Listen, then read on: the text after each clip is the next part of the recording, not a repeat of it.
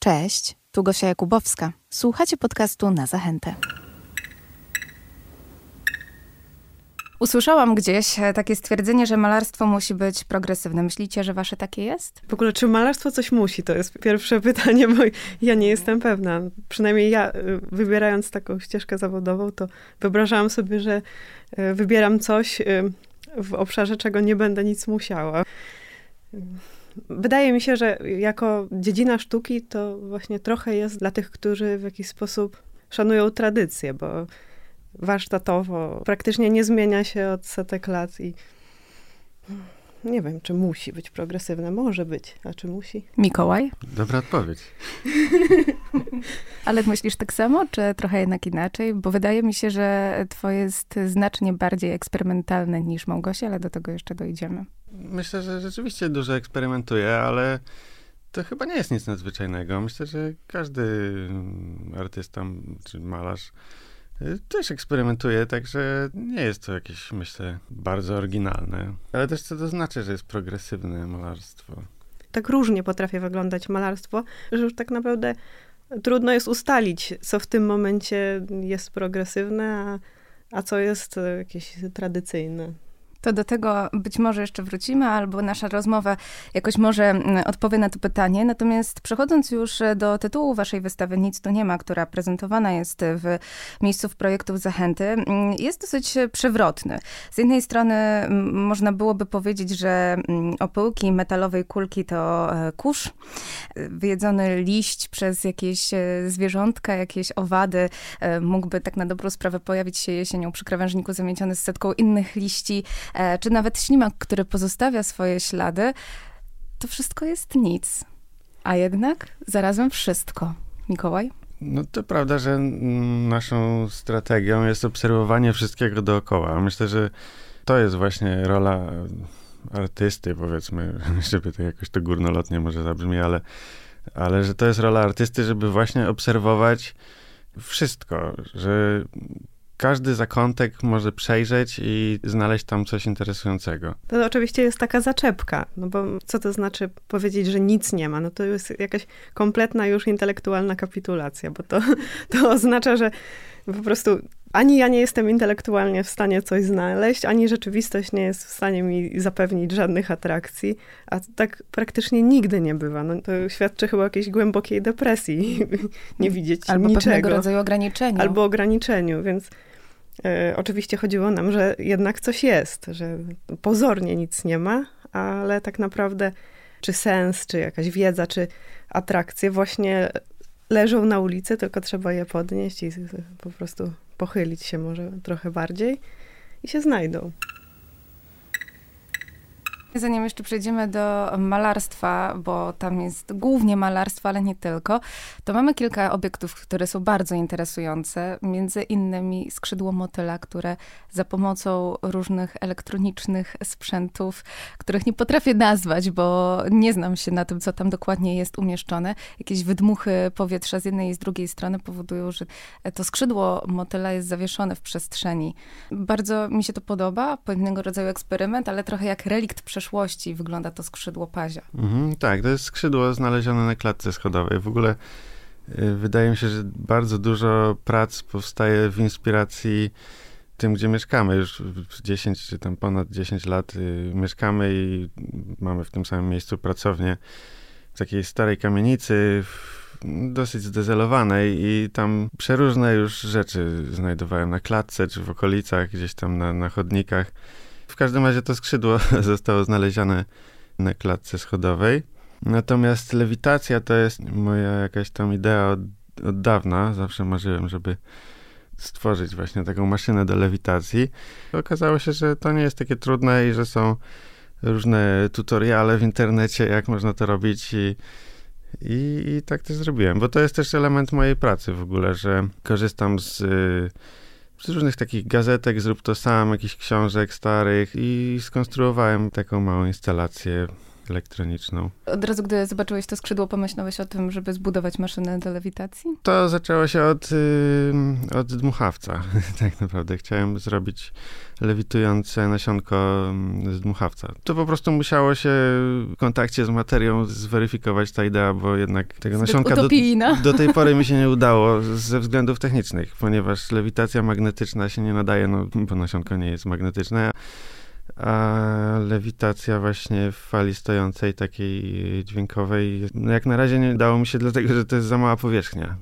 Żeby tam coś lewitowało, musi mieć dużą powierzchnię, także no to skrzydło się jakby mhm. połączyło z całą tą ideą. To, to zawsze tak jest, że prace, najpierw są jakieś idee, potem to się weryfikuje w trakcie, gdzieś tam dochodzi kontakt z materią i no i dopiero coś wychodzi. Mhm, tak samo było z rzeźbą e, bez paniki? Tak, bo właśnie to jest jedna no, naprawdę z niewielu prac, które stworzyliśmy zupełnie wspólnie, bo to jest zawsze pytanie, jak artyści robią jedną pracę we dwie osoby. I Tutaj faktycznie tak było, ponieważ w czasie pracy nad wystawą ta koncepcja ulegała zmianie i jakieś nasze pomysły zostały włączane w tę pracę i, i ona wyewoluowała w jakąś konkretną stronę i, i okazało się, że no, autorstwo jest naprawdę zupełnie wspólne. Rzeźba kusi, można, e, rzeźby samej nie radzę dotykać, e, nie powinniśmy nawet. Natomiast jeżeli chodzi o parę, która z niej wyskakuje, no to ja się nie powstrzymam i oczywiście pobawiłam się nią trochę. Można się też inhalować? To znaczy... gałązka, czy taka gałąź e, trochę grubsza bzu czarnego, wydrążona, z której wydobywa się para oraz dwie substancje, salicylan metylu i jasmonian metylu. I to są substancje, które roślina emituje, kiedy jest czy to podgryzana przez e, jakieś szkodniki, czy, czy zaatakowana przez drobnoustroje. I ona to robi w celach leczniczych, ale inne rośliny potrafią te substancje wychwycić i w ten sposób zachodzi między roślinami komunikacja. Obydwie te substancje są w bardzo małych e, stężeniach i nie są szkodliwe, natomiast salicylan metylu to jest taka substancja, która na przykład jest stosowana w takim leku na katar olbas. I w, niedużych stężeniach można ją wdychać, żeby trochę sobie zmniejszyć katar. Natomiast w dużych stężeniach, ale tam tak nie ma, mogłaby może nawet wręcz wywołać jakiegoś rodzaju, nie wiem, szczypanie oczu. Ale tam są mikrodawki, więc można. Na wystawie nic tu nie ma. Właśnie tak jak słyszymy, mamy szansę zajrzeć do mikro i makroświata, którym się otaczamy. Skąd nagle pojawiła się ta fascynacja mikro i makroświatem? Czy to właśnie wynikało z tej obserwacji i szukania jakichś pozytywów w rzeczywistości? Z temperamentu może. A może z temperamentu? No może tak, może z, po prostu z tego, w, w jaki sposób chodzimy na spacery, patrząc w chodnik bez przerwy, tak? W ogóle pamiętam, że Gosia na studiach się tym charakteryzowała, że szła w taki dziwny sposób z nosem zwieszonym na kwintę i cały czas patrzyła się w chodnik, tak. A ja też mam taką tendencję do wyszukiwania jakichś śrubek na chodniku, więc może stąd wzięły się jakieś mikroobserwacje. Jest to na pewno świadoma strategia, ale sądzę, że. Wyszła z przypadku? Y, to złożyły się różne rzeczy, no bo oczywiście człowiek ma jakiś tem temperament i jedni mają charakter wodzireja, inni mają charakter introwertyczny i, i zajmują się właśnie obserwowaniem jakichś tam nasionek na chodniku.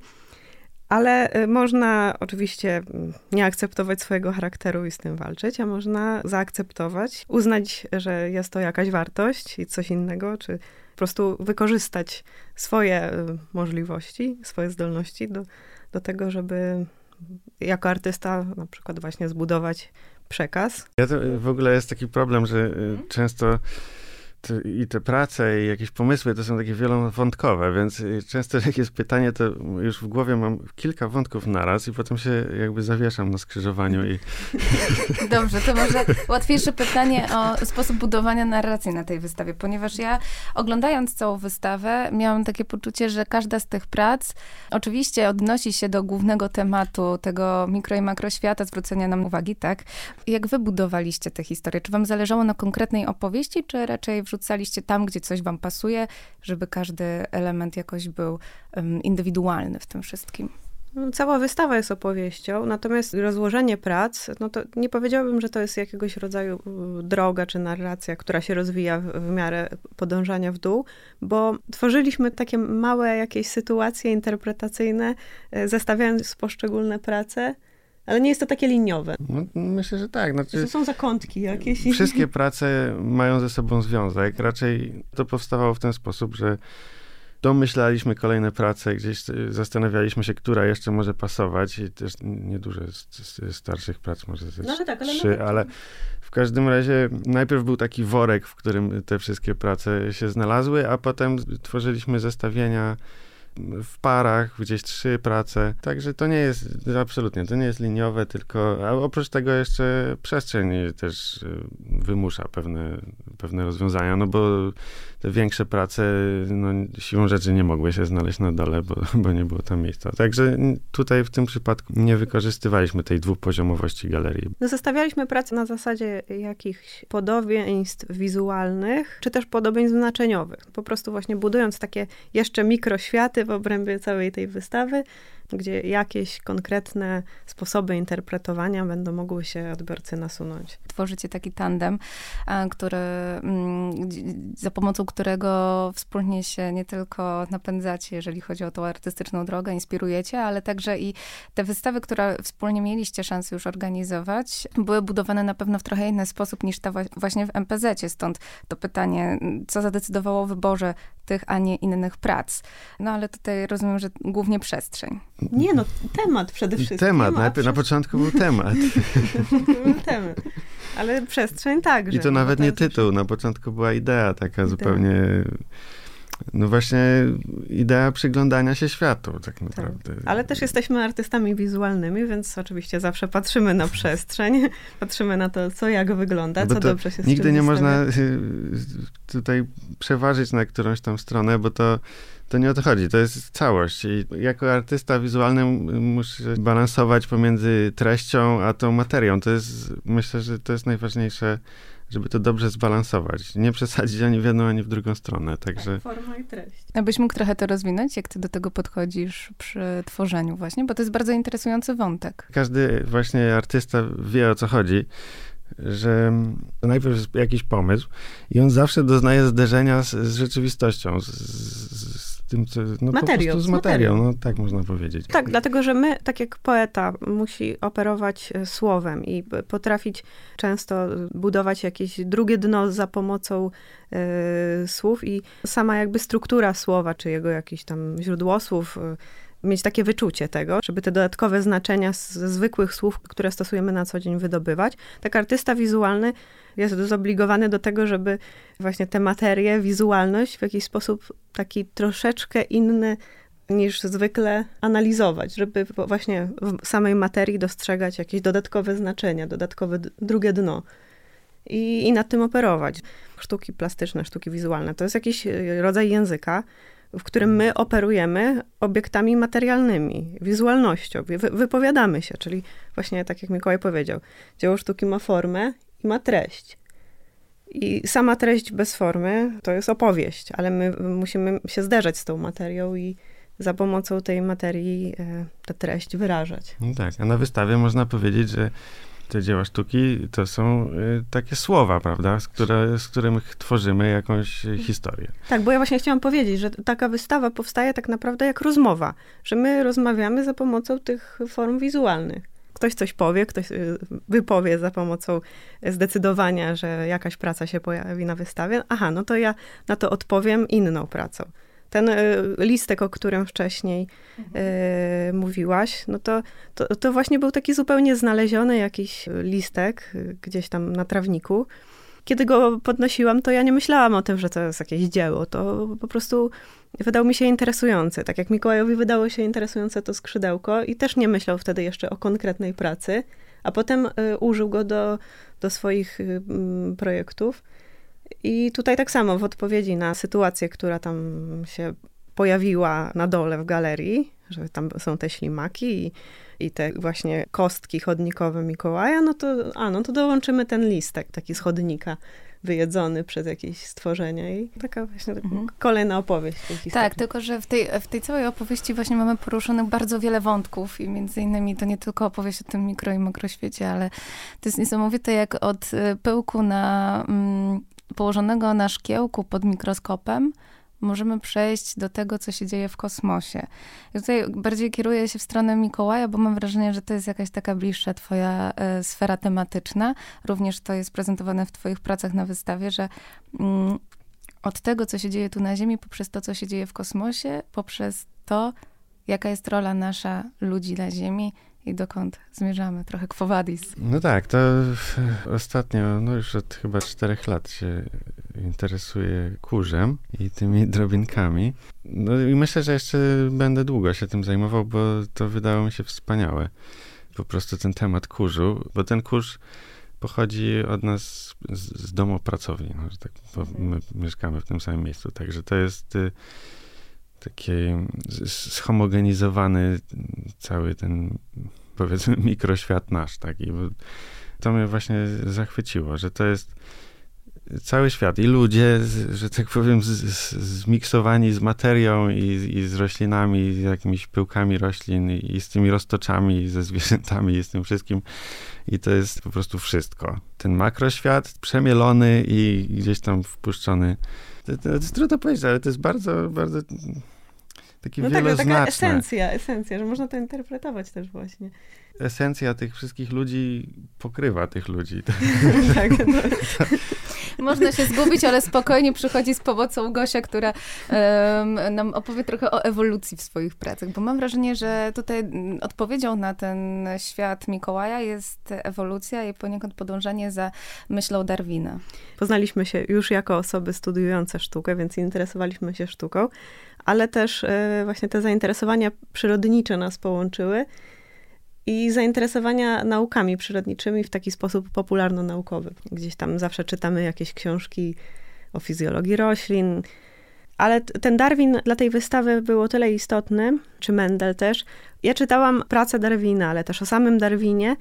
Pomyślałam, że właśnie takiego naukowca musi koniecznie cechować skrupulatność i właśnie umiejętność przyglądania się rzeczom pozornie nieistotnym. No bo e, no oczywiście my znamy Darwina jako odkrywcę wielkiej teorii naukowej, więc może się wydawać, że jego życie to było po prostu same kamienie milowe, tam były jakieś momenty takie zwrotne i bardzo ciekawe jakieś e, obserwacje. Natomiast tak naprawdę życie takiego badacza, życie Darwina opływało na takich bardzo drobnych obserwacjach, gdzieś tam dotykaniu wykałaczką wosków muchołówki i zapisywaniu tego w jakimś kajecie. Tak właśnie trochę brzmi, jakbyście badali przy okazji, nie tylko prowadzili pewnego rodzaju zapis swoich obserwacji, ale także dochodzili do pewnych odkryć.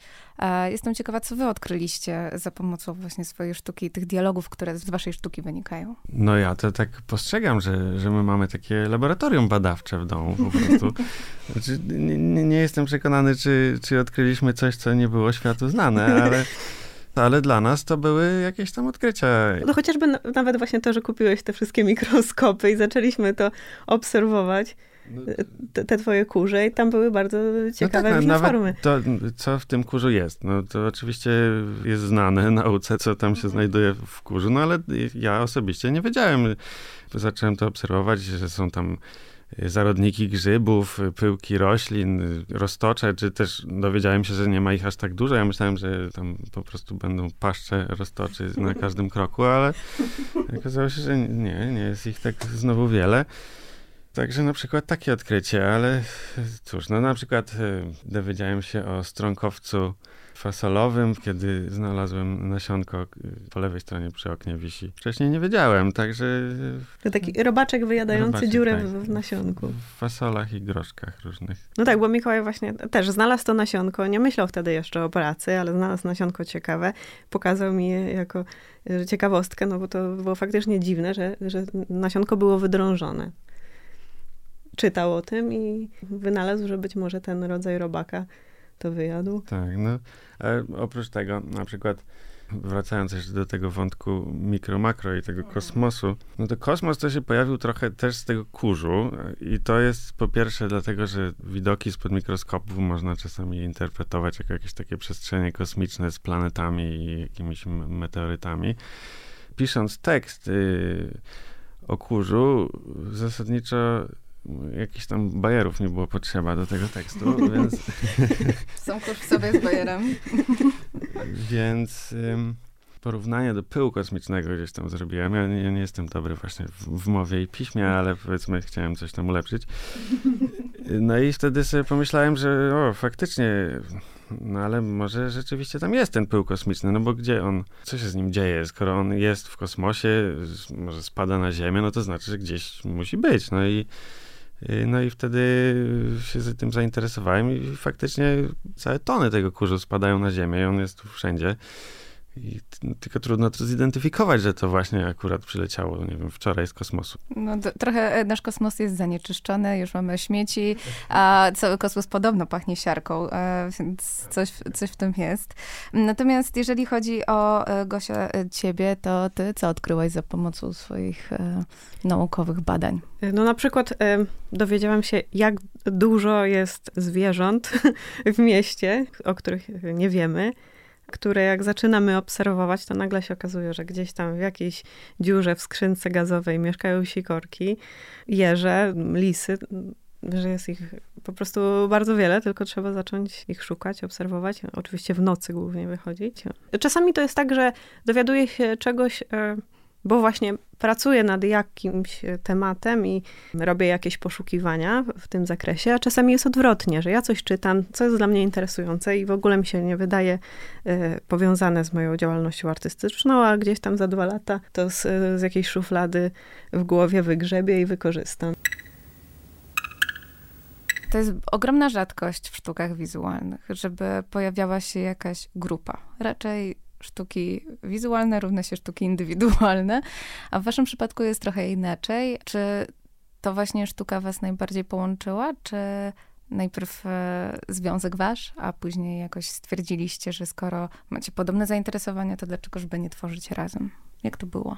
My się poznaliśmy na studiach artystycznych i każdy y, już wtedy tworzył, y, ale faktycznie jako duet taki wystawienniczy, że, żeby, że zaczęliśmy robić razem wystawy, no to to było trochę jednak później.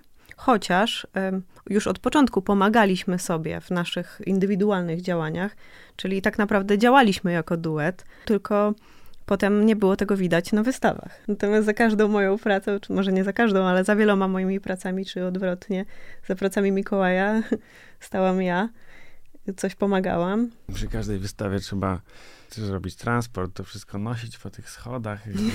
tak, oczywiście. Techniczne jakieś, ja, ja, rozwiązania techniczne, tego rodzaju jak... prozaiczne kwestie. Także w ramach optymalizacji i lepszego wykorzystania energii, lepiej jest robić to od razu razem. I... tak. Nie, ale oczywiście um, po prostu to wyszło naturalnie. Też um, po prostu um, zauważyliśmy, że to będzie może ciekawsze, kiedy będziemy robić te wystawy razem, bo wtedy nawiązuje się właśnie dialog, tak jak mówiliśmy wcześniej. Ale też powiedziałeś, że e, artyści wizualni są e, indywidualistami. I to jest prawda. I ja sądzę, że my wciąż jesteśmy indywidualistami. Że każdy z nas, e, no bo my jesteśmy tyle lat razem i tyle lat razem tworzymy, a jednak te prace nie są nie do odróżnienia, kto zrobił które. Y, niektóre są może bardziej podobne, inne mniej, ale jednak wciąż y, jakiś indywidualizm każdy z nas zachowuje. I ja myślę, że to tak samo jest jak w ogóle, jak ludzie we dwoje, dwie osoby razem przebywają bardzo długo, to często zaczynają mówić te same żarty, zaczynają mieć te same tematy i to jest naturalne. Niekiedy artyści y, jako właśnie osoby egocentryczne, bo wszyscy jesteśmy egocentryczni, ja tak sądzę, że żeby własne pomysły chcieć wyrażać i jeszcze pokazywać to publiczności, to jakąś dozę egocentryzmu trzeba mieć. Czasami po prostu mają problem z akceptacją tego, że, że, że ktoś powiedział coś, co ja powiedziałam trzy lata temu i a teraz on to wykorzystał ze swojej pracy i chyba mnie okradł. Jak się ma trochę dystansu do tego i no bo kiedy w rozmowie e, osoba nam bliska powie coś, co my mówiliśmy trzy lata temu, to nie wydaje nam się dziwne. A kiedy to zostanie zmaterializowane jako dzieło, no to wtedy już może się pojawić jakieś ukłucie zazdrości czy coś. Ale trzeba właśnie mieć tego świadomość. No i ta y, rywalizacja. Na pewno rywalizujemy, ale staramy się, żeby to była zdrowa rywalizacja. Czy to jest możliwe? Myślę, że tak. I oczywiście były trudniejsze momenty, to na pewno tak jest. Jak jednej osobie się bardzo powodzi, a druga ma kryzys twórczy, no to na pewno jest trudne, ale rywalizacja też właśnie może mieć formę takiego dialogu i prze, prześcigania się w pomysłach. O, o no w taki sposób. I, i w, w, tym sensie, jeżeli tworzymy razem, to może to jest lekarstwo na, na rywalizację. Dlatego, że ta rywalizacja zostaje przeniesiona w, na poziom twórczości, czyli... Inspirowania się też? Inspirowania się i może prześcigania się w pomysłach, w odpowiedzi na przykład na zadany temat, prawda, w przygotowywaniu wystawy. Że ja zrobię taką pracę i Gosia to zobaczy i o, to ja zrobię, to będzie jeszcze ciekawsze i odpowiem na tą pracę w jakiś jeszcze bardziej interesujący sposób. Małgosia tutaj akurat bardzo kładzie nacisk na to malarstwo, a ty, Mikołaj, mam wrażenie, że mm, czerpiesz ogromną satysfakcję z tego, jak stworzysz coś, e, na przykład, e, tutaj od razu myślę o tym słońcu, o tej tarczy słońca. E, mamy olej lniany, który wykorzystujemy w przypadku dzieł Gosi do malowania olejami na płótnie a ty bierzesz ten olej i tworzysz z niego zupełnie inną formę, która też nawiązuje poniekąd do malarstwa. No tak, ja mam taki wątek trochę metamalarski w, poszukiwaniach, ale to chyba wynika z tego, że ja bardziej wyrastam właśnie z obserwacji materii i moje prace często się stąd biorą, że najpierw widzę jakiś przedmiot i dopiero powstają skojarzenia, jak, jak można go wykorzystać, czy... No tak, myślę, że tak przebiega mój proces twórczy. I to jest też ta może właśnie różnica między nami, no bo ja może trochę właśnie bardziej w taki literacki sposób patrzę na rzeczywistość poprzez słowo i to się też przydaje Mikołajowi niekiedy. I odwrotnie, że on z kolei ma taki talent do obserwowania materii. Czasami potem to musi jakiś czas mu zająć, żeby ubrać to w słowa, ale tak, to jest taka twoja naturalna właściwość. Ja jestem też, o, jeśli, jeśli chodzi o zazdrość, trochę zazdrosna, ale też ale każdy ma właśnie, inny talent tutaj. Właśnie myślę, że ta współpraca tutaj dobrze, tak. Dobrze działa, dlatego że ja tobie też pomagam tak, często tak. W, w doborze na przykład materiałowym jakimś. Tak. I to jest myślę różnica. W sensie taka różnica y, już na poziomie osobowości, na poziomie jakichś konstrukcji tak, myślę, ta mózgu. różnica się nie zatrze. ta różnica się nie zatrze pewnie. Ale o czym to było? O tym słońcu. O prawda? tym słońcu. To słońce to jest y, po pierwsze tak, to ja się najlepiej czuję w takim wyjaśnieniu. Co, jak to jest zrobione? To przez te gazetki. tak, dokładnie. Adam Sadowy. Bo to słońce to jest zeschnięty olej lniany, który oczywiście, żeby był taką dużą warstwą, to musi schnąć przez rok albo dwa, to już nie, nie pamiętam. No to też się wzięło stąd, że ostatnio się zajmuję czasem i przekładaniem czasu w obrazy, czy jakieś tam dzieła, ale tak, wracając do tego słońca to jest zrobione z tego oleju, a pod spodem jest lustro, które też y, zrobiłem sam. Tego w sumie nie widać w tej pracy, bo jest przykryte. Natomiast w całej mojej strategii zawsze wykorzystuję jakieś y, samodzielnie zrobione rzeczy. Także nawet to lustro też zrobiłem sam. Musiałem y, za pomocą srebra nanieść warstwę srebra na szybę, żeby dać takie wrażenie świetlistości tego słońca. A po prawej stronie y, znajduje się detektor y, promieniowania, który też samodzielnie skonstruowałem. Idea jest taka, że jest bezpośrednie połączenie między Słońcem prawdziwym, a Słońcem przedstawionym w tej pracy, ponieważ Słońce w naszym układzie słonecznym generuje bardzo dużo y, promieniowania. Oczywiście widzialnego światła, ale też pod postacią różnych innych cząstek, które docierają też do Ziemi i no, w taki symboliczny sposób są wykrywane tym moim detektorem i wtedy pojawiają się na Słońcu rozbłyski. A to mi się akurat e, cała ta praca skojarzyła zupełnie inaczej. E, wątek ekologiczny trochę to e, ja wpuściłam, mm, między innymi nawiązując w swojej głowie i swojej wyobraźni do katastrofy w Czarnobylu i promieniowania, gdzie to też prowadzi do odpowiedzialności nas jako ludzi i zaczynam zataczać taki wielki krąg wokół waszych wszystkich prac, odpowiedzialności nas wszystkich za ekosystem, za, za to, czym się otaczamy, dbania o to, co jest wokół nas. Więc to dosyć ciekawe, jak twoja praca niby o promieniowaniu i o słońcu przeradza się w myśl o katastrofach ekologicznych. To może ja rozwinę ten wątek, bo mm, właśnie mm, mnie się wydaje, że E, my mówimy o tych e, właśnie rzeczach ważnych, o tych wielkich tematach, tylko nie w taki sposób bezpośredni, że będziemy robić prace gdzie, takie moralizatorskie, które będą miały na celu, nie wiem, obudzenie ludzi, żeby przejrzeli na oczy i zmienili swoje, swoje życie, tylko w taki sposób właśnie może zaciekawiania, że, że ta przyroda jest interesująca, że te procesy są ciekawe i że to jest coś ważnego.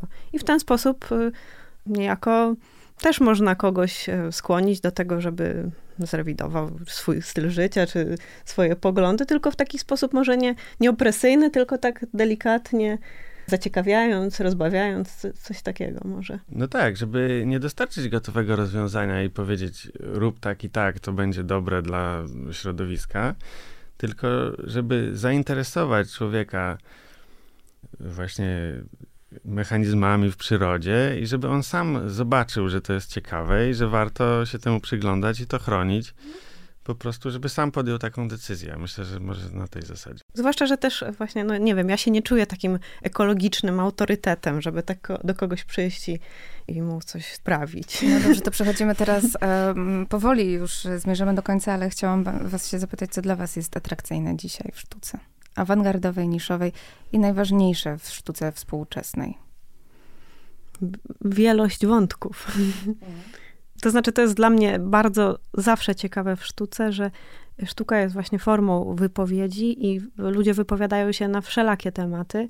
Po prostu różni ludzie o różnych systemach wartości, różnym podejściu do życia mogą e, znaleźć wyraz dla siebie, a odbiorcy mogą to potem oglądać w postaci dzieł.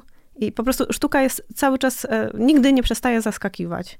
Inni artyści wciąż mogą być interesujący, inspirujący i tyle lat, się, tyle lat chodzimy na wystawy, a wciąż coś można odkryć, czegoś się dowiedzieć, coś, coś nowego zobaczyć. No nie wiem. No to bardzo dobrze powiedziane, że, że ta mnogość jest najbardziej istotna w sztuce. Mhm.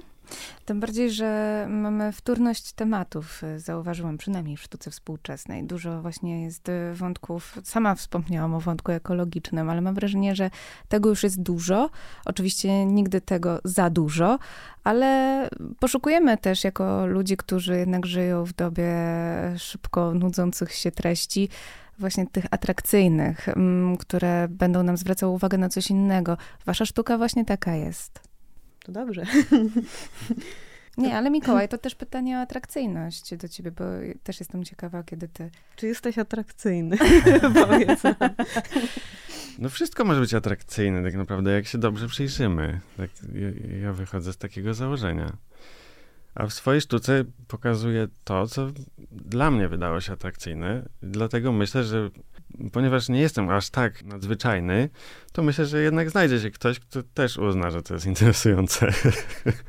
I tutaj e, przechodzimy do e, tej wtórności tych treści e, i fotografii, którą ty, Gosia, mam wrażenie, że traktujesz z jakimś takim należytym szacunkiem i nie chcesz, aby była ona chyba tak wykorzystywana, jak jest dzisiaj.